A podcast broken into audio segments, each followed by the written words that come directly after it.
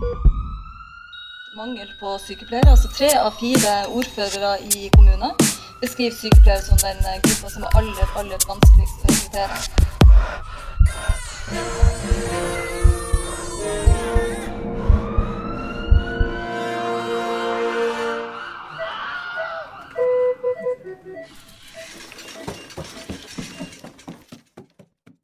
Velkommen til en ny episode av Hjelp, jeg er sykepleier. Mannen jeg har med i dag, det er ikke en hvem som helst mann fra gata, for å si det sånn. Dette er en mann som er både hjelpepleier, sykepleier, lege, forfatter, foreleser, gründer og nå snart pilot. Jeg snakker jo da om ingen ringere enn doktor Anders Christoffersen, bedre kjent som Lean Mean Nursing Machine. Velkommen hit. Jo, takk. Veldig hyggelig å få, få være her. Huska jeg alle, alle titlene på ting du er? Ja, det tror jeg. Man kunne kanskje heve med fjellklatrer, eventyrer, nei, Speider. speider. Ja, det, og mer skal det vel bli òg. Viktig å, å fylle tiden. For det har slått meg litt sånn Har du noen gang fri? Og hvem er du utenom alle disse tingene? Jeg har i aller høyeste grad uh, mye fri, jeg også. Det er mer det at jeg uh, er glad i prosjekter og er glad i å, å finne på ting. Så da blir det jo fort mye greier. Men, eh, men jeg har daffedager, jeg òg, som absolutt alle andre. Ja, Du har vel hatt noen daffe dager i Hellas nå? Eller har du gått i fjellklatring der òg? Det blir litt dykking, men, eh, men Oh. ellers så, så var det litt daffing der også, ja. Ja, Hadde du en fin tur? Veldig, veldig fin tur. Litt forsinket uh, bryllupsreise pga. Uh, covid, så mm. det var veldig bra. Det, det gjelder nok flere, tror jeg. Det ble litt forsinka bryllupsreise og andre forsinkede ting. Ja, det tror jeg. Men ja, så hyggelig at du vil komme i podkasten min. Ehm, og jeg har jo tenkt litt sånn Nå skal jeg gjøre noe ingen andre har gjort før, men det, det stemmer jo ikke. Har du hørt om internettregel 34? Eh, nei, det har jeg ikke. Internettregel 34, det er eh, hvis det eksisterer, så er det lagd porno av det. Og det er litt sånn jeg føler det er med podkast òg. Hvis det eksisterer, så er det lagd podkast om det. Og Ja. hvor mange podkaster har du vært med i nå? Eh, det begynner å bli en del. Uh, jeg debuterte vel med helserelatert med de gutta der. Uh, Ja, han altså- ene der har vært her, Ja, faktisk. Emil, eh, sant, ja. Så det var veldig gøy. Da har jeg vært med to ganger. Og så har jeg vært med på Speiderpodden, så det var gøy. Og så har jeg vært med på Leger om livet med Anette. Det var veldig gøy. Og så har jeg vært med i Sykepleierpodden. Og så har jeg vært med i Smellen. Det er den uh, podkasten til Byas i Stavanger Aftenblad. Ja, og de kom på iallfall sånn, fall sånn i farten. Har du, har du funnet flere? Som du har vært med på. Ja. Ikke som jeg kommer på akkurat nå. Nei, da var det sikkert de.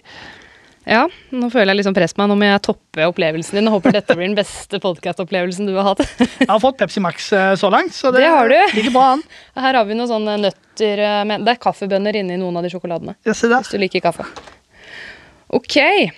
Men du, jeg vil gjerne høre litt om denne reisen din fra hjelpepleier til sykepleier til lege. Ja. Eh, Jeg har jo i utgangspunktet hatt en fot i helsevesenet hele mitt voksne liv, og store deler av eh, tenårene og ungdomstiden også. Jeg eh, gikk helse og sosial på videregående. Selv. Ja, ikke sant? Um, og gikk da hjelpepleierlinjen. Eller først grunnkurs helse og sosial, da, men um, Og så, når jeg var ferdig Det var jo mens det ennå het hjelpepleier. Hvilket år var dette? Uff. Nei, det husker jeg ikke engang, vet du. Det var på 2000-tallet. Ja, ja, det, det er lenge siden. Um, men iallfall uh, så gikk jeg da mens det ennå het hjelpepleier, og så Da gikk du tre år, så ble du autorisert hjelpepleier, så da gjorde jeg det. Og så tok jeg det som heter tredje påbygg, som da er for å få studiekompetanse. Og så jobbet jeg vel et år eller to som hjelpepleier mens jeg tok realfag eh, og litt fag som Nå må jeg bare skyte inn et spørsmål. Eh, var du lærling da du tok hjelpepleierutdanningen? Nei, for det var det som var poenget mitt, at før så var det ikke læretid. Nei, det da gikk du tre år med, med integrert praksis. Mm -hmm. Så hadde du veldig mye praksisperioder, litt sånn som man har på sykepleien. Mm. Og så ble du ferdig etter tre år. det var liksom skole og praksis litt om hverandre? Ja. Mm, så det, det var ikke et lær lærlingløp. Um, nei, og så når jeg da hadde gjort eh, det, så gikk jeg eh, sykepleien. Uh, trivdes veldig godt med det. Gikk det på Universitetet i Stavanger. Og så innimellom her så tok jeg også privatisteksamene til ambulansefag og ambulansekurs og litt sånt. Samtidig som du gikk sykepleien? Ja, noe gikk jeg vel mens jeg gikk sykepleien, og noe av de privatisteksamene tok jeg vel rett før jeg begynte på sykepleien. Og så gikk jeg sykepleien, ja. Og så når jeg var ferdig sykepleier, så begynte jeg å jobbe på første sommervikariat på akuttmottaket i Stavanger. Men så fikk jeg 100 fast stilling på legevakten uh, i Stavanger og begynte å jobbe der. Trivdes egentlig veldig godt med det.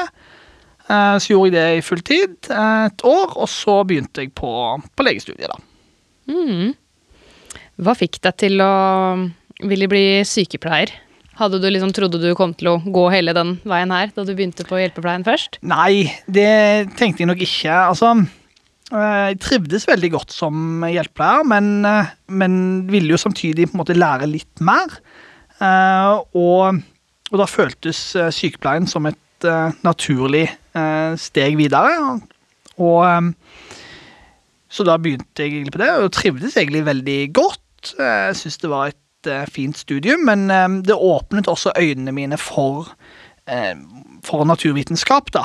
Sånn at det, det, den gnisten for mer eh, naturvitenskap og fordypning i det ble nok tent litt under, under sykepleien, og lå liksom og jobbet bak i hjernen der mens, mens jeg fullførte sykepleien, og så vokste det litt sånn større etter jeg begynte å jobbe, da. Det er jo veldig spennende, da. Det naturvitenskapelige. Ja, definitivt. Og kanskje det i mine øyne er noen av det nyttigste vi lærer på studiet. da. Mm. Det her vet jeg er et av spørsmålene som kommer seinere, men jeg kan ikke vente. Hvor syns du det var mest spennende å jobbe som sykepleier? Ja, altså jeg, jeg, ingen, jeg har jobbet i forskjellige steder som sykepleier. Jeg, jeg har jobbet eh, på legevakt, og så har jeg jobbet litt i ambulansen. Og så har jeg jobbet på nyfødt intensiv og psykiatrisk. Um, og så jobbet jeg jo litt den overgangen fra hjelpepleier til sykepleier. Så jobbet jeg også litt ennå eh, med ekstravakter sånn på sykehjemmet, hvor jeg opprinnelig hadde vært hjelpepleier. da. Så, um, så, jeg føler jeg har liksom hatt en fot i litt forskjellige typer områder, da. Mm. Um, jeg syns legevakt var, var, veldig sånn teoretisk givende. Um, Storbylegevakten jeg jobbet på, eh, håndteres ca. 50% av alle henvendelser håndteres av sykepleiere alene. Og det stiller jo automat, det, stiller, det sier seg jo da sjøl at, at, det stiller ganske høye eh, teoretiske krav og ferdigheter hos sykepleieren. Du må på en måte tenke og vurdere og stå inne for. For da må man gjøre ganske viktige avgjørelser eh, på ganske kort tid? Ja, sant? for da sorterer man jo på en måte Skal denne pasienten eh, inn til lege i dag? Skal han inn til oss i det hele tatt? Kan han være hjemme? Hvilke råd skal jeg gi dem for at de skal kunne være hjemme? Um, hvilken hastegrad har dette? Skal man sende ambulanse? Eh, skal de til fastlegen i morgen? Altså, du, skal, du skal på en måte gjøre en del vurderinger. da. Syns du det var vanskelig å gjøre den sorteringa der? Ja, det syns jeg, men, men jeg syns jo òg at um, det illustrerer veldig godt hvordan uh, jo flinkere man Eller hvor mer innsats du hadde lagt ned i de naturvitenskapelige fagene, jo lettere var den jobben. Mm.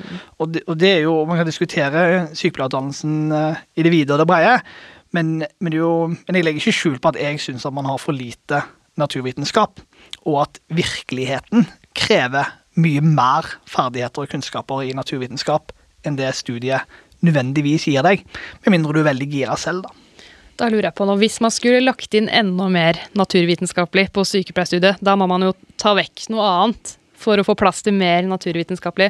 Hva annet kan man ta vekk, eller få mindre av, ja, tenker du? Og folk er glad i å si det, si det på den måten som du framstiller det nå, men jeg gikk legestudie i Østblokken, og det er jo en gjeng som er veldig glad i å bare legge på og legge på og legge på, ikke nødvendigvis ta bort noe. Sånn at det eh, Funker ikke i Norge, vet du. Det er arbeidsmiljølov og ja. sånne ting. så det, jeg mener jo av og til at vi kunne stilt mye høyere krav, eh, og jeg mener jo òg at man kunne stilt mye høyere krav til teorikunnskap i praksis um, enn det vi kanskje gjør. Um, og jeg mener jo ikke nødvendigvis det er en menneskerett at man skal ikke lese noen ting mens man er i praksis, f.eks. Men, uh, men jeg syns jo at en del av de kanskje samfunnsvitenskapelige fagene vi, altså vi hadde pedagogikk, uh, som jeg syns er helt fint at vi har. men Man kan fint integrere det kanskje med noe annet. Um, jeg syns vi brukte litt for mye tid på, på sykepleierhistorie, f.eks. Historie er fint og flott, men kan man ha det som en, et dagsseminar istedenfor å ha det som et fag? Altså, Hvor mye av disse tingene kunne man byttet ut med å ha det som en, en, en dagsseminar eller en introforelesning istedenfor å ha det som store fag? Uten at det nødvendigvis hadde gått på bekostning av kvaliteten til eh, studentene. Um, så jeg tror at man kunne plukket vekk mye av de greiene der, eller i hvert fall endret på det. og så kunne man puttet inn mer naturvitenskap. Eller gitt mer tid på det samme pensumet også. Jeg syns jo det er helt vilt at man har anatomi og fysiologi. For det første så er anatomi og fysiologi som det er to forskjellige fag. Det Så det. medisin håndterer det som to vidt forskjellige fag på to forskjellige fakulteter. For den ene tingen er jo bare hvordan ser det ut inni kroppen, og den andre delen er hvordan fungerer det faktisk. Mm. Og det er hakket mer komplisert enn å sitte og tegne, selv om eh, tegning, det, det ga meg ganske mye. Jeg Mm. lærte mye med å sitte og tegne. Så jeg tror jo at man kunne eksempel skilt de to. Det er det ene tingen man kunne gjort. Og så kunne man hatt det som et tosemestersfag isteden som et ettsemesterfag. Så hadde folk fått mye mer tid til å fordype seg i det. Tid til å faktisk fordøye pensumet. Allerede der hadde man jo fått utbytte. Men for å svare på spørsmålet litt, hvor jeg synes det var mest interessant å jobbe, jeg trivdes veldig godt på legevakten litt pga. at det vekslet mellom allmennmedisin og akuttmedisin. Eh, Når det kommer til det mest sånn teknisk, veldig sånn sært og spennende, så syns jeg nyfødt intensiv var veldig gøy, fordi det var liksom så det var så spesielt, det man drev på med. Um, og veldig sånn cutting edge teknologi, utstyr. En veldig spennende pasientgruppe. Um, så jeg syns, kanskje det var noe av det mest spennende, men sånn overall så elsket jeg legevakta. Så gøy det du sier om nyfødt intensiv, for jeg, jeg kjenner meg igjen. Mm. Kan relatere. Tror du du kommer til å gå tilbake til nyfødt intensiv som lege på et tidspunkt? jeg, altså Pediatri er ikke, det er ikke utenkelig at jeg skulle endt opp der. Jeg trives veldig godt med det. Um, jeg er for tiden i rotasjon på pediatri på LIS1-løpet mitt. Uh, og syns det er veldig spennende og en gøy pasientgruppe. Um, men um, jeg veksler veldig med hvilken type lege jeg skal ende opp som. da. Det gjør jeg. Er det litt sånn hver gang du er borti noe nytt, så oi, dette var kjempeinteressant, kanskje det er dette jeg skal jobbe med når jeg Ja, litt, Skal slå meg til ro. eh, litt det òg. Og så er det jo eh, litt sånn om man skal velge spesialitet ut ifra livet eller ut ifra jobben.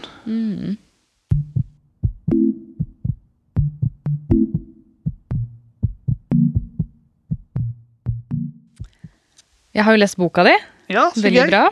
Eh, og så har jeg jo lest den artikkelen om deg i sykepleien da du var eneste mann på nyfødt intensiv. Mm. Eh, sånn er det der jeg jobber òg. Vi hva da, 149 høns og en hane. Ja. Har du noen tips til å få flere menn inn eh, på nyfødt intensiven?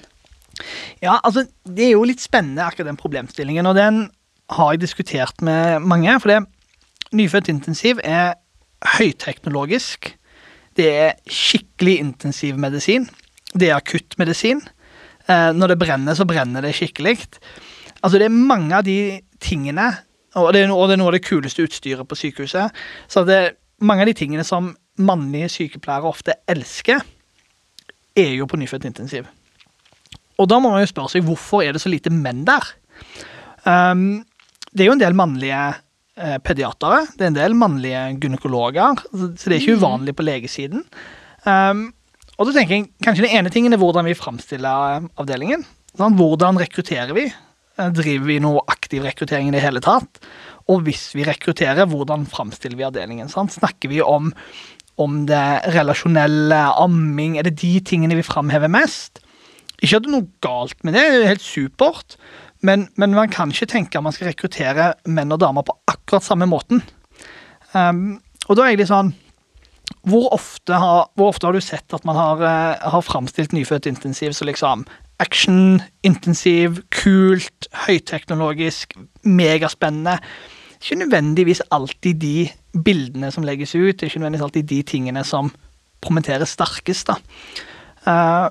Og, det er jo, og jeg tenker det er helt lov å synes at, at det også er en veldig fin del av jobben.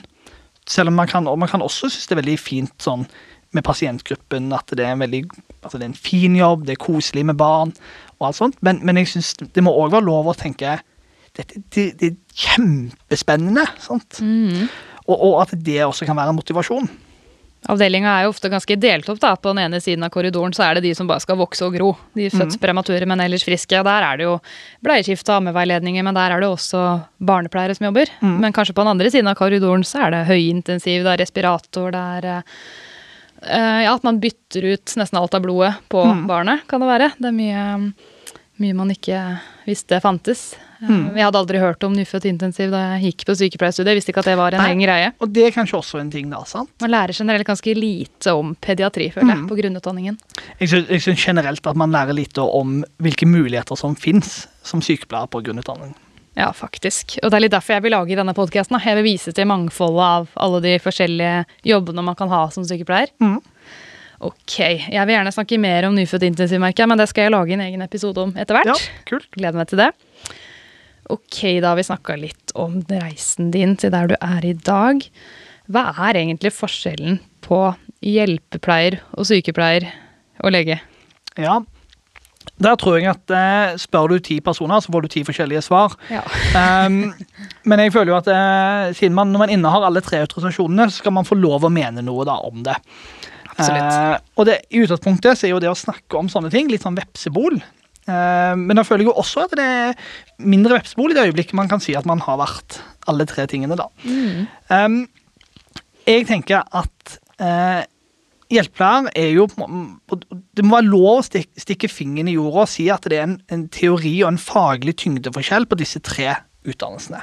Ja. Og det er nesten som at det ikke er lov å si. Men, men det er det jo. sant? Så Det er den ene tingen. Det er en faglig tyngdeforskjell som øker for hvert nivå i utdannelseslengde. Um, og det skulle jo egentlig bare mangle, for i det øyeblikket du har gått lenger på skole, så bør du også ha lært mer Og ha større ansvar. og ha større ansvar. Men eh, ansvar det skal vi touche litt innpå tror jeg, senere også, men, men, men forskjellig ansvar er jo mer sånn Har man mer ansvar, eller har man annet ansvar? Um, men uansett, og så tenker jeg at det er også forskjell på fokuset til disse tre yrkesgruppene, som også blir litt sånn Hva er det hovedjobben, eller kjernejobben deres, da? Um, jeg tenker jo Hjelpepleier er jo primært den som ofte har mest tid sammen med pasienten og, å ta seg av mye av de basale eh, behovene til pasienten. Og så er det jo alltid litt overlapp, overlapp mellom alle steg opp, og det er jo kanskje der konfliktene dukker opp, er i overlappene.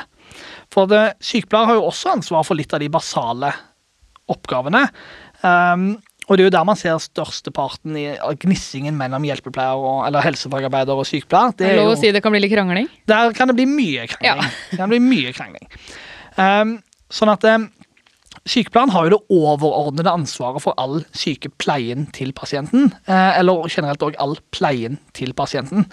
Eh, Og det syns jeg ikke vi er harde nok alltid på heller. At man kan si at det, det er faktisk sykepleieren som er ansvarlig for dette. Det er den som er sjef for de greiene der. Eh, Og bør derfor òg få lov å bestemme eh, litt mer om hvordan det skal utøves. Og det varierer litt fra avdeling til avdeling og fra sykehjem til sykehjem hvor tydelig den ansvarsfordelingen er. Eh, og så tenker jeg jo at Sykepleieren har jo også ansvaret for generelt, og ofte da ansvarsvaktene. Og har jo også ansvaret for den håndter, medisinhåndteringsbiten. Jeg tenker Medisinhåndteringsbiten er jo også en grunnpilar i, som skiller sykepleiere fra f.eks.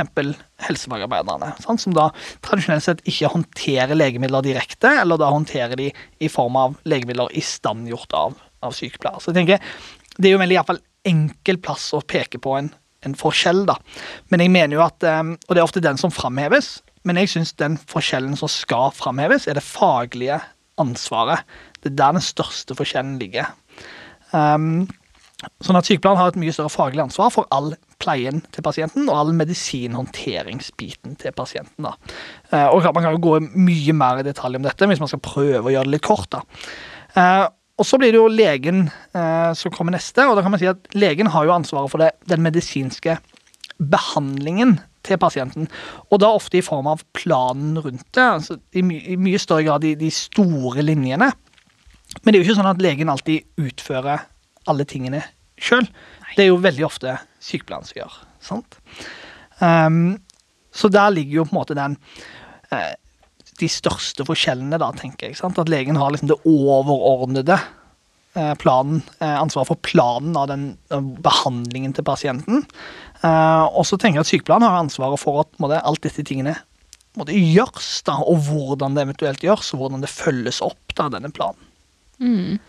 Legen har jo ofte da ansvaret for pasienten ut ifra en spesifikk diagnose. Hvorfor er pasienten her? Er det, la oss si det er et beinbrudd, da. Så er det kanskje det beinbruddet som legen har hovedfokus på. Mens sykepleiere og hjelpepleiere skal gjøre den der helhetlige omsorgen. da, Passe på at pasienten får mat og stell og medisiner og mobilisering og kanskje bandasjeskift. Der er det så det er sykt mange flere detaljer, da. Sånn ut ifra det man gjør sammen med pasienten. Mm. Og så er det jo klart at Sykepleierne har jo et, et driftsansvar. Sant? Altså, det som gjør at, at leger kan dukke opp eh, og jobbe i akuttmottaket med fire timers opplæring, på en måte, er jo fordi at sykepleierne tar seg av absolutt alt det andre. De driver hele avdelingen. De vet hvor alt er, de vet hvordan alt funker, de vet hvordan, hva som skal fylles ut, hvor ting skal sendes.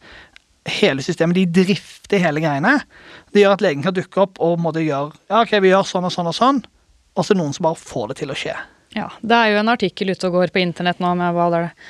En desperats eh, LIS-lege, bønn om bedre arbeidsvilkår, den het noe sånt. Ehm, og Da var det jo da snakk om at helt nyutdanna leger, som det er, det er LIS1 det heter. Ja. Er det det samme som het turnuslege før? Ja, Ja. De blir, jo, de blir ofte satt i akuttmottak, og så har man kanskje 18 timers vakter, og så er man ganske aleine, og det drysser inn med pasienter. Vil du si at uh, LIS-legen er ganske avhengig av sykepleierne rundt seg? Ja, absolutt. Men alle leger er avhengige avhengig av sykepleierne rundt seg. Og, og mange leger er nok dårlige til å se det der at hvis de, at sykepleierne får liksom alt til å skje. Det er liksom det, som gjør at eh, det er magisk så, så, dukker, så blir medisiner gitt, eller magisk så blir alle, eh, alle rekvisisjoner blir fulgt opp. Sant? Alle ting blir gjort. Noen kommer og minner deg på at ja, du må legge inn dette i Metavision, du må gjøre disse tingene. Det er liksom Man tar litt for gitt den rollen eh, som, som sykepleierne gjør der, men, men hadde man ikke hatt det, hadde man ikke hatt noen som liksom driftet alt, så, så hadde jo alt kollapset.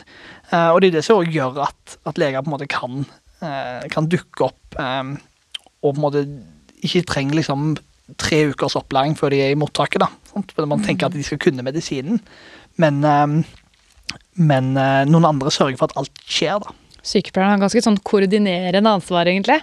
Ja, veldig. Mm. Og så er det nok mange sykepleiere er nok veldig flinke til å hjelpe nye leger med litt sånn forsiktig hinting. sant? Skal vi gjøre sånn, eller jeg har gjort klar dette, eller at de bare setter fram noe utstyr for å liksom hinte om at det er dette vi skal gjøre. Så noen er veldig gode på det, da. Sant? Passe litt på. Ja, for det hørte jeg du snakka om i en annen podcast, dette lege-sykepleierspillet. Og litt sånn eh, hvordan forteller legen hva han eller hun skal gjøre, uten at du forteller legen egentlig hva han eller hun skal gjøre. Ja, det, det er jo soleklart at, at man vil ha erfarne sykepleiere sant, som, som står i rom sammen med en uerfaren lege, som helt, har en helt konkret løsning på problemet eh, som, er, som man er presentert for. Og da er jo noen sykepleiere eksepsjonelt gode på å liksom, stå liksom Ja, jeg har trukket opp litt eh, Naloxon her, litt eh, motgift mot eh, opiater. Eh, bare sånn tilfelle du vil ha det. Og så tenker legen ja, ja, ja, han har, han har overdose han her. Så vil vi gi en Naloxon. Så tenker legen ja, nå har jeg løst det problemet. Det var jo sykepleieren som løste det problemet. sant?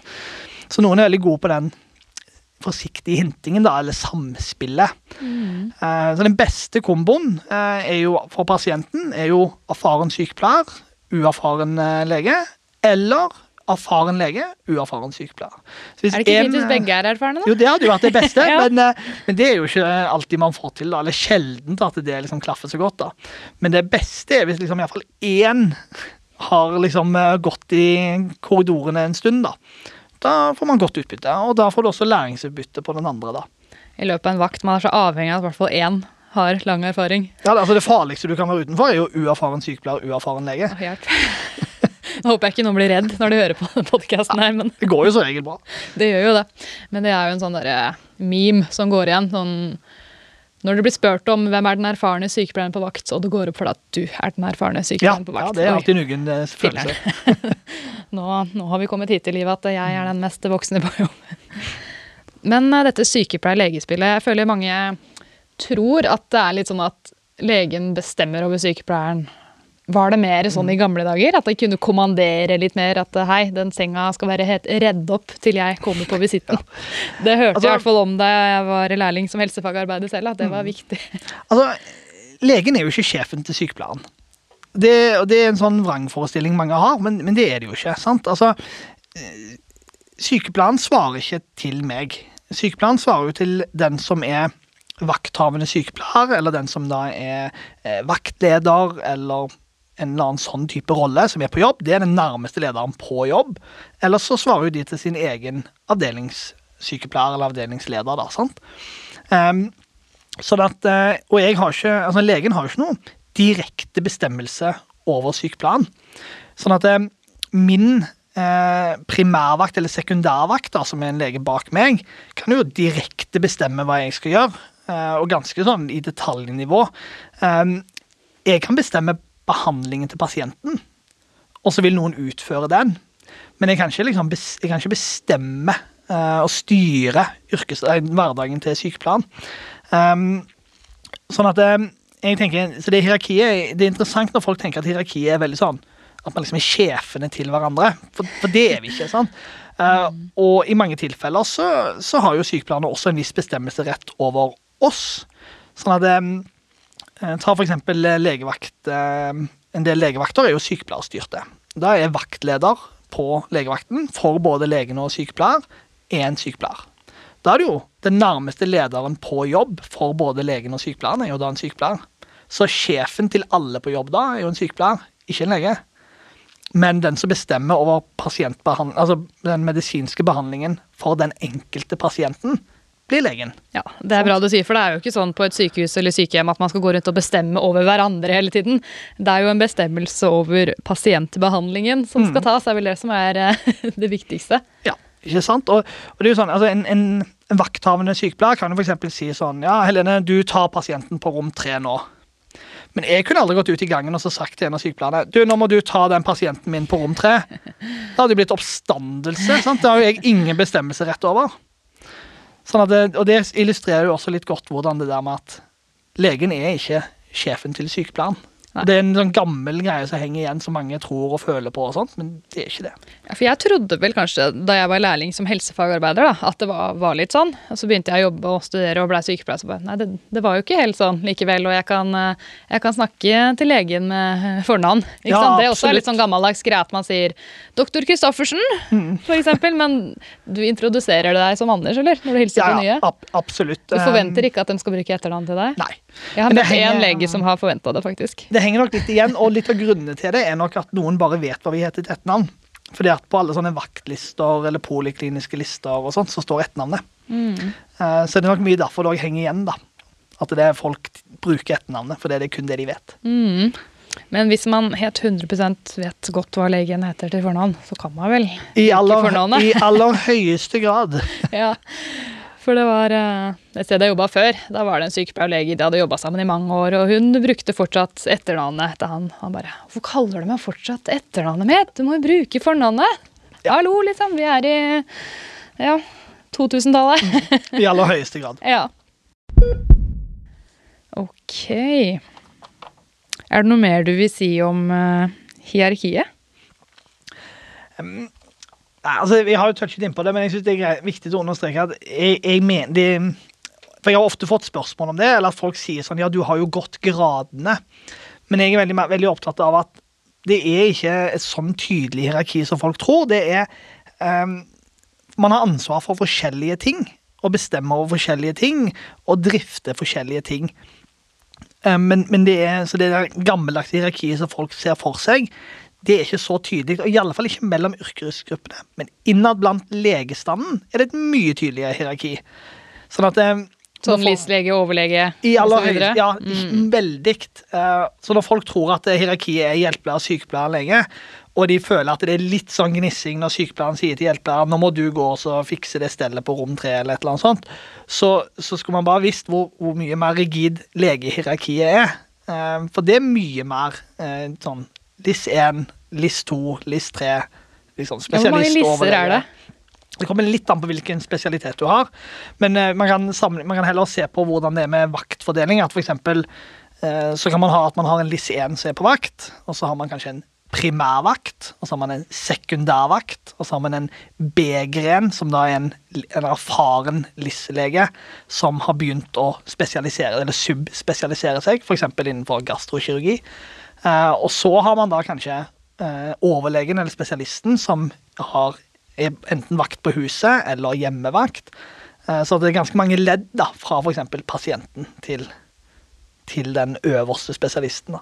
Så det, der har man mye mer rigid hierarki. da. Mm. Der finnes det også sånn hierarki på hvem legger seg når, eksempel, på lenge, lange vakter og sånne ting. Såpass, ja. Mm. Kan du tenke Hvis du hadde prøvd det på sykepleiersiden, at du hadde sagt sånn Jeg har jobbet i ti år, sånn at nå er det veldig rolig, så nå skal jeg sove i 20 minutter, men alle dere andre dere får være våkne. Du har aldri sagt det, men du kan si det på legesiden. Nei, jeg føler at som sykepleier altså For det første, jeg tror det har litt å si med at vi er mange kvinner, og da skal Mm. man passe på litt hva man sier, fordi Altså, skyt meg hvis jeg sier noe feil, men kvinner er jo litt følsomme, da. Er det lov å si det? Ja, det, jeg tror det, det er nok helt lov å si, men Og det kan jo fort bli litt sånn Hvis man er litt streng i tonen og sier da hei, kan ikke du gå og rydde på det rommet, det, det ser ikke ut der, og vi må snart få inn en ny pasient. Sier man det på, på feil måte, da, så, så blir det fort litt baksnakking. ja. Ja. Og, og det er nok litt av problemet til at det også er litt sånn smågnissing og litt uklare roller blant f.eks. Eh, sykepleiere og hjelpepleiere og, og den biten der. Mens det er veldig, i mine øyne iallfall, mye ryddigere rollefordeling på, på legesiden. For det har nok vært litt sånn mer rigid, hardt og mye mer tydelighet, da. Tradisjonelt. Mm. Har du noen tips til å få det hierarkiet der litt smoothere? Nå tenker jeg på hjelpepleier, sykepleier Jeg, i jeg tror mange sykepleiere er fryktelig redd for å delegere. Og at de da er redd for at det skal bli eh, dårlig stemning for det de delegerer, og da så bare gjør de det sjøl. Og da blir de òg overarbeidet. Um, mens, og det, og det ser man jo litt på at når jeg delegerte som sykepleier, så følte jeg ofte at jeg måtte begrunne hvorfor jeg gjorde det. Sånn at jeg sa sånn Kan, kan du eh, ta eksempel eh, det stellet på, på det og det rommet, eh, fordi at nå blir det litt travelt for meg med medisiner, så jeg må gå og så fikse de medisinene og gjøre sånne ting. At jeg måtte liksom begrunne det. Men jeg må jo aldri begrunne det når jeg delegerer til sykepleier. Jeg trenger aldri si sånn Kan du ta det EKG-et inne på Nå det som du delegerer fra legerollen over Ja, til en ja, sykepleier. Ja, aldri, sant? Så jeg, jeg trenger aldri å si kan, kan du gå og ta det EKG fordi at jeg er nødt til å gå og skrive en epikrise. Hvorfor tror du det er sånn? Hvorfor er det så stor forskjell der? Jeg tror det er to greier. Jeg tror Det ene er tradisjon. At det tradisjonelt sett har bare vært mye mer eh, rigide og, og tydelig rollefordeling. Og jeg tror det andre er at man ikke nødvendigvis jobber eh, på nøyaktig det samme vaktrommet. Altså, jeg kan delegere og så gå, mens f.eks. på et sykehjem så sitter hjelpepleieren og sykepleieren på det samme vaktrommet, samme pauserommet. De er sammen hele tiden, og da er man veldig opptatt av at eh, vi skal på en måte også være venner, og alt skal være så fint og flott. og og man er så redd for gnissing.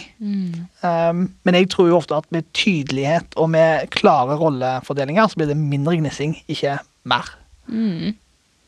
Ja, Det der er nok alltid en liten greie som kommer til å være, tror jeg. Men eh, man får bare gi hverandre en high five når, når vakta er over, da. Ja. Og liksom minne hverandre litt på at uh, vi er på samme lag. Vi jobber for det samme mål, at pasienten skal få det bra. Det er jo det det handler om til syvende og sist. Ikke at man vil herse med hverandre. Det håper jeg i hvert fall virkelig ikke at noen ønsker å herse med andre kolleger. Jeg, jeg pleier jo av og til når jeg skal fyre opp stemningen litt, da, så sier jeg at det er ikke sykepleiermangel i Norge. Det er bare det at sykepleierne gjør så veldig mange ting som man ikke trenger å være sykepleier for å gjøre.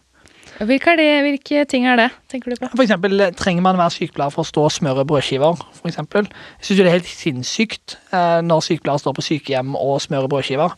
Eller eh, sjekklister. Altså, jeg jobbet et sted hvor store deler av dagvakten gikk med på at sykepleiere gikk og tok sjekklister.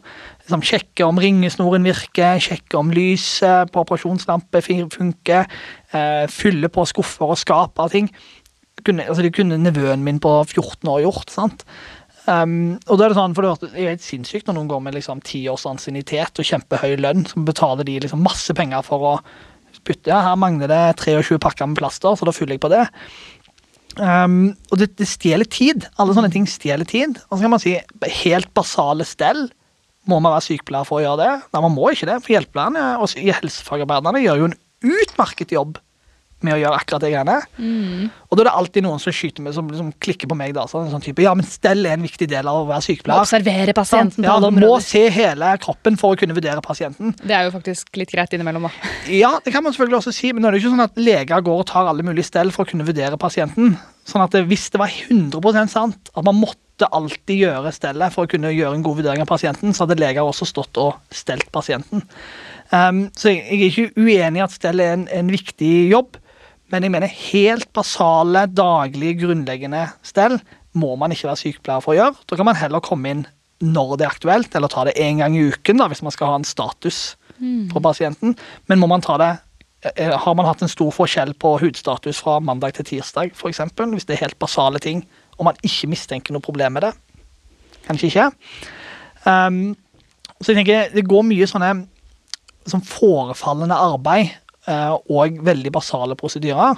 tenker jeg at Der, der kunne vi brukt annet personell uh, uten tap av kvalitet. Mm. Jeg har jo prøvd å foreslå det for noen ledere. for at kan vi ikke, altså Det er jo stor arbeidsmangel i Norge. Kan vi ikke ansette noen som går og fyller på disse varene da, i mm. skapet?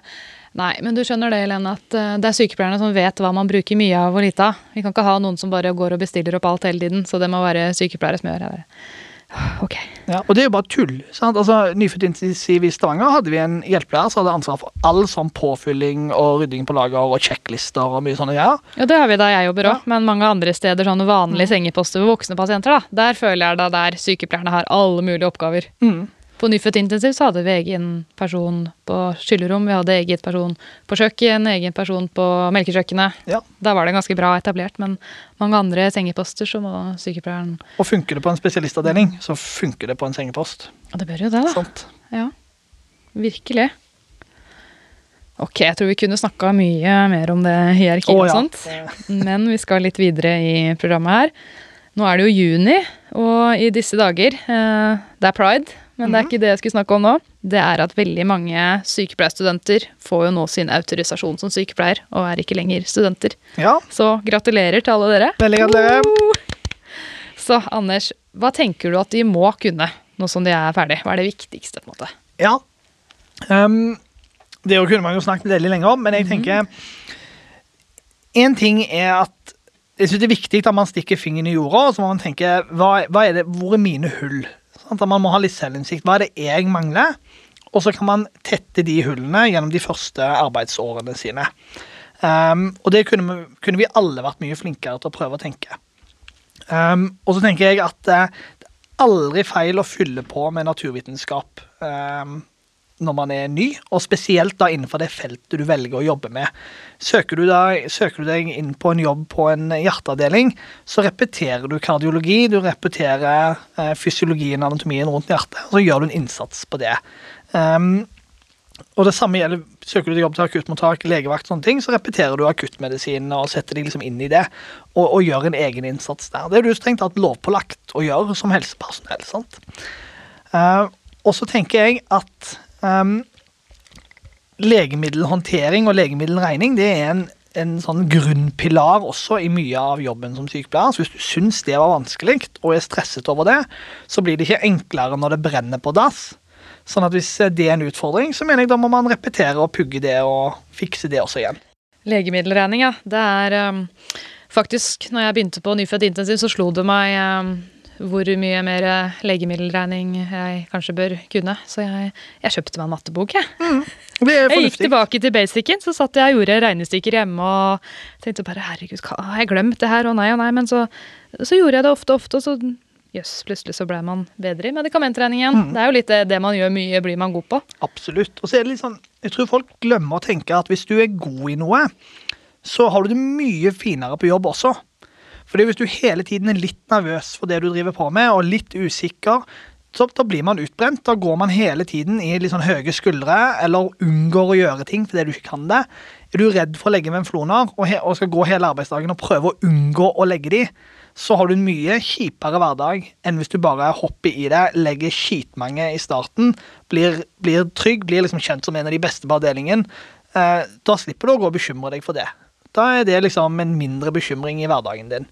Kan man si at det er en ting man må kunne? Man må kunne se hva man trenger mer trening til, og så ja.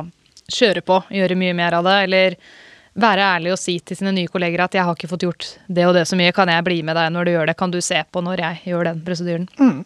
Så mener jeg at det grunnleggende praktiske ferdigheter, det må man bare kunne. Blir dritirritert når folk liksom er sånn 'nei, jeg legger ikke ved en flonar, eller 'jeg kan ikke katrisere', eller et eller annet sånt. For det er grunnleggende praktiske ferdigheter. Det tenker jeg, det har du tre år på å hoppe i og mase på praksis og må det passe på at du lærer deg.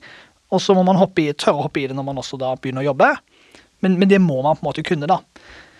Og, og det fra legesiden så er det, jo, det, er jo, det er jo null aksept for at for jeg hadde sagt sånn Nei, jeg lytter ikke på pasienter.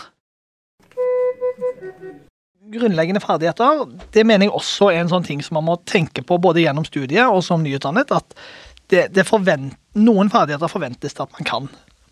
Og av de som kommer på sånn on the top of my head, så tenker jeg liksom det forventes at sykepleiere kan legge venflon, sette sprøyter, at de kan legge kateter, um, at de kan gjøre ta alle vitalier, f.eks. Dette er sånne ting som jeg mener det er, liksom, det er basic, grunnleggende ferdigheter. Litt sånn som at man forventer at leger skal kunne lytte på pasienten, eller se på et EKG. Mm. Um, og det som jeg av og til har sagt da, når, eh, når folk liksom syns at jeg kanskje er for hard på sånne ting, da, så sier jeg hvordan hadde du reagert hvis du kom gående med EKG bort til legen og så sa hei, kan du se på dette for meg? Som sykepleier, da. Og legen sa nei, jeg ser ikke på EKG-er. Man hadde jo aldri funnet seg i det. Men jeg vil ta syke, ferske sykepleiere litt i forsvaret her, fordi venefloner, kateter, det er jo Man må jo på en måte ha hatt mulighet til å gjøre det i praksis. Så la oss si man har vært, hatt sykehuspraksis på en poliklinikk, da. Mm. Eh, hvor det kanskje bare er mest eh, samtaler, sånn som det kan være på en kreftpoliklinikk. Eh, da har man jo ikke hatt muligheten til å øve på det. Og det er ikke så veldig mye trening man får på studiene heller. Det syns jeg er lærernes feil. Og da får man for det første bare øve på gummidokker, ikke mm. på seg selv. Men jeg, jeg, jeg syns jo det liksom blir for enkelt. på en måte, for jeg tenker I løpet av tre år, i løpet av alle de praksisene, så, så mener jeg at da ikke fortell meg at det var umulig å klare å få til å få øvd. Det er det jeg ikke kjøper når folk sier nei, jeg fikk ikke gjort det gjennom studiet. For det var jo prosedyrer jeg også sleit med å få øvd på på sykepleien. Men jeg ringte jo også ned. sant? Du kan ringe ned til mottaket til triasjen. 'Hei, kan jeg komme og være i triasjen en dag?' Da får du da kanskje lagt 10-15 venfloner på en dag. da? Mm. Hvis du har veldig lyst til å øve på å kategorisere, så kan du ringe urologisk og spørre 'Hei, jeg har veldig lyst til å øve på dette'. Hvis de har urologisk, da, der du er i Hvis praksis. Hvis de har det, for eksempel. Eller, så, men, men Eh, eller man kan gjøre sånn som jeg sa til min eh, veileder når jeg var i medisinsk praksis. Så sa jeg at jeg har veldig lyst til å bli god på de praktiske ferdighetene. Og jeg skal være her i det var ti ukers praksis, som er helt sinnssykt lenge. Um, så sa hun ja, fint. Så sa hun ifra til alle som var på jobb hver morgen. Anders har lyst til å gjøre mye praktisk, så de første nå uken eller to ukene så ringer vi han på alle venfloner, alle opphenger IV, alle sprøyter, alle karakteriseringer, alle EKG-er. Så liksom fikk jeg gjort veldig mye av det i et par uker. Og da var liksom det unnagjort. da. Da ser jeg for meg at, at, du er veldig flink da, til å si ifra 'hei, jeg vil gjerne bli med på det', 'jeg vil bli med på det'. Men så er det ikke alle som kanskje har det helt inni seg, da, at de bare ringer til naboavdelinga og spør. altså, Man bør jo absolutt gjøre det, men jeg syns fortsatt at skolen kunne vært flinkere til å ha mer simuleringer da, på skolen, ja. så man får øvd seg. At det kunne vært noen sjekklister, at de og de og de prosedyrene må dere føle dere trygge på når dere er ferdige. At skolen tok mer ansvar da, ikke bare nei, nå skal dere skrive en ny oppgave om etikk. Mm. Og jeg, jeg, er ikke uenig i det, men poenget mitt er at jeg, jeg, jeg tror at veldig mange blir litt sånn komfortable. at de, Det er ikke sånn at det var lett for meg å gjøre mye av disse tingene heller, men jeg syns folk kan være flinke til å si fra. Eh, for det er liksom med forventningsavklaring. Sant? Hva er det jeg trenger av praksisstedet også? Uh, og hva er det jeg mangler? Og jeg mener jo at i løpet av tre år i så Altså, man bruker så mange timer i praksis. Så, når jeg da har møtt studenter, så sier jeg i løpet av tre år med alle de praksisene, så fikk jeg ikke lagt en eneste venflon. Så blir jo jeg litt sånn Men det kan ikke bare være praksisstedene sine feil. Nei. Jeg var jo på en poliklinikk. Det var en av praksisene mine. Der var det ikke så mye venefloner. Så hadde jeg den siste praksisen der bare nå, nå må jeg lære det, ellers, så blir jeg ikke sykepleier, tenkte jeg. Så når jeg endelig fikk lov til å gå og legge inn aleine, og jeg, jeg, var klumsete og jeg skjelv og jeg sølte blod, og pasienten bare 'herregud, så klumsete du er', men jeg fikk det til! Mm. Jeg ble så glad jeg fikk det til. Ja, og, det, og så tenker jeg at da kan man legge inn litt tvang. Altså vi, Jeg gikk jo deler av sykepleien i Australia, på den universitetet jeg gikk, så hadde vi sånn skill-bok. da. Mm. Da måtte du ha krysset ut liksom så og så mange infloner, så og så mange karakteriseringer, så og så mange. Ellers så ble du ikke utdannet. Uh, og det legger jo et helt annet press på folk til å oppsøke de situasjonene, fordi du må. Ellers så mm. får du ikke vitnemålet ditt.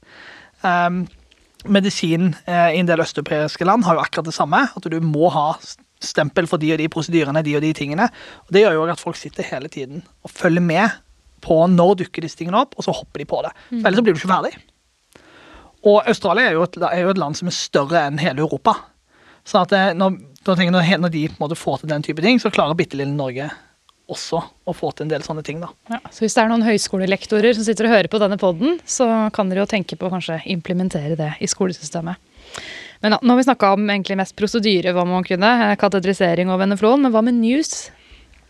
Ja, altså, News er jo et verktøy som Ja. alt annet. eh, Og, og veldig støttende til News og Q-sofa. Det, det, det er fornuftige verktøy. Um, men jeg er mer opptatt av at man skal skjønne anatomi og fysiologien bak. For at um, man kan bruke hvem som helst til å på en måte bare stå blindt ta, notere ned tall og målinger.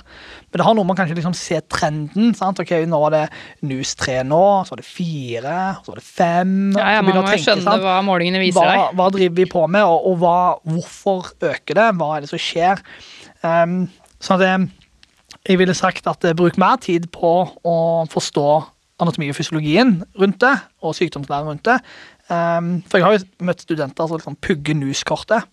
Det er bare tull. Det kan du ha i lommen. sant? Ja. Skal ikke pugge det. Enig. Mm. Men jeg hadde jo blitt litt sånn Hvis jeg hadde hatt uh, på en avdeling da, en helt ny uh, nyutdannet sykepleier, og jeg hadde sagt kan du gå og ta en news, og de bare nei, det vet jeg ikke hvordan jeg gjør, da hadde jeg blitt litt sånn har du ikke lært det? Det hadde ikke vært bra. Så jeg føler definitivt det er en av de tingene du må kunne. Du må kunne ta en news, og du må skjønne hva den scoringen viser deg. Ja, det er litt sånn som jeg sa i stad. Du må kunne ta alle vitale målinger. Mm. Det tenker jeg er en basal ferdighet. Ja, er det noe mer man må kunne? Eller var det var det? Det var sykepleier. Jeg tenker, tenker det liksom, altså, Man må jo kunne de tingene man ellers har lært, da. Men det er klart, jeg, jeg legger jo ikke skjul på at jeg har en knapp på at man, skal for, man må forstå liksom, naturvitenskapen. Tillegger nok jeg mye høyere vekt enn en del om hvor mye du husker fra, fra sykepleierhistorie, f.eks. Det tenker jeg ikke rammer deg så veldig hardt i jobben, men har du eh, sluntret unna på naturvitenskap og sykdomslære og legemiddelhåndtering og legemiddelregning, da får du en litt tøff jobb som nyutdanna. Jeg husker det var en eh, sykepleierlærer som sa til meg at du kan finne ut ganske mye bare med å ta på pasienten. Altså Hvis du går til en pasient, kan jeg få hånda di? Mm. Jeg strekker ikke helt bort. Hei, god morgen, hvordan har natten vært? Da kan jeg både kjenne på deg, ikke sant. Hvordan, var hva er temperaturen? Er du klam? Hvordan ser du ut? Eh, Svarer du i det hele tatt? Puster du? Man kan liksom, og jeg kan også, hvis jeg hadde tatt deg på en litt annen måte her, kunne jeg også kjent på pulsen. ikke sant? Så det det er litt sånn man lærer seg etter hvert òg, da, Ja, tror jeg. At eh, absolutt. hvordan kan du se mange ting på en gang på pasienten på kortest mulig tid. Mm. Men det er litt hvis pasienten ikke responderer når du tar og sier 'God morgen! Hvordan har natten vært?' Jeg snakker kanskje litt høyt Ja, til de eldre. Det er null respons da. Da, da håper jeg klokka ringer. bør alarmbjellene ringe. Ja. Yes, Da kan man gjerne dra litt ekstra hardt i snora, så den eh, dobbeltringinga Mm. begynner. Ok. Noe mer før vi begynner med Q&A? Nei, ikke det greit, da? Nå har jeg allerede vært litt sånn streng på hva de skal kunne, så da kanskje jeg ikke skal legge på så mye mer.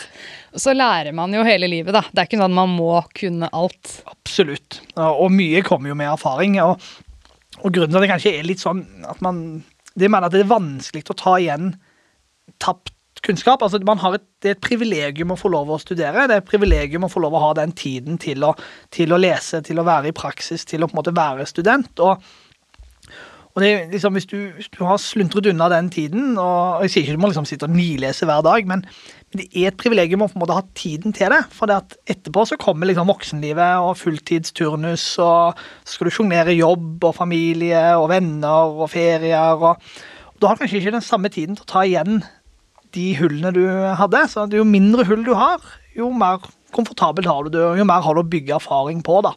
Så det, det er et privilegium å få lov å ha de tre årene til å, til å lære ting. da. Mm, for det er ikke sånn at det blir satt av lesetid til deg på jobb. Du blir kanskje sendt litt på kurs og fagdager, det håper jeg alle arbeidsplasser legger opp til, men du er jo ansvarlig for å finne den tiden Og det selv. er da, det er- kjempesynd. Ja. Vi får eh, lesedager i turnus. Dere gjør det, Mm. Så Heldiggriser. Det legges eh, fast inn. Og det, og det er en sånn der eh, det, At ikke det gjøres på sykepleiersiden, det, det er kjempetrist.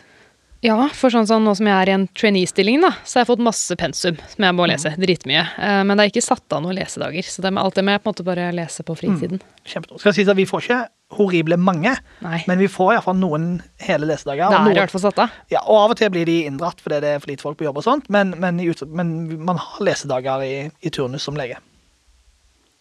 Det skal jeg ta med meg videre. Det kunne absolutt vært en sånn gode som kunne vært implementert. eh, Og i alle fall på ganske sånn spesialist-teknisk vanskelige eller teoretisk vanskelige avdelinger, f.eks. Altså jeg tror nok at jo på mer avansert avdeling du er på, jo mer blir det satt av til fagdager mm. og sånt. Men akkurat den der egne lesetiden i ro og mak, det er, noe eget med det. Ja, det er absolutt. Takk for at du har hørt på episoden helt fram til nå. Jeg kan jo si at eh, du har nå bare hørt del én av episoden med Anders Christoffersen. Del to kommer om akkurat en uke. Så la du kanskje merke til at vi sa nå er det juni, woho, det er snart pride. Altså Da vi spilte inn episoden, så var det ganske tidlig i juni, og ikke visste vi hva som kom til å skje natt til 25. juni. Men én ting er sikkert. Pride skal det bli igjen, og det skal feires for fullt.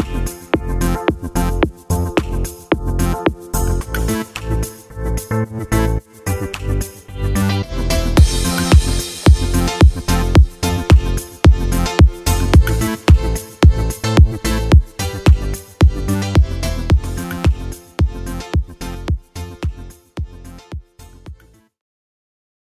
du et enkeltpersonforetak eller en liten bedrift? Da er du sikkert lei av å høre meg snakke om hvor enkelt det er med kvitteringer og bilag i fiken, så vi eh, gir oss her, vi. Fordi vi liker enkelt. Fiken superenkelt regnskap.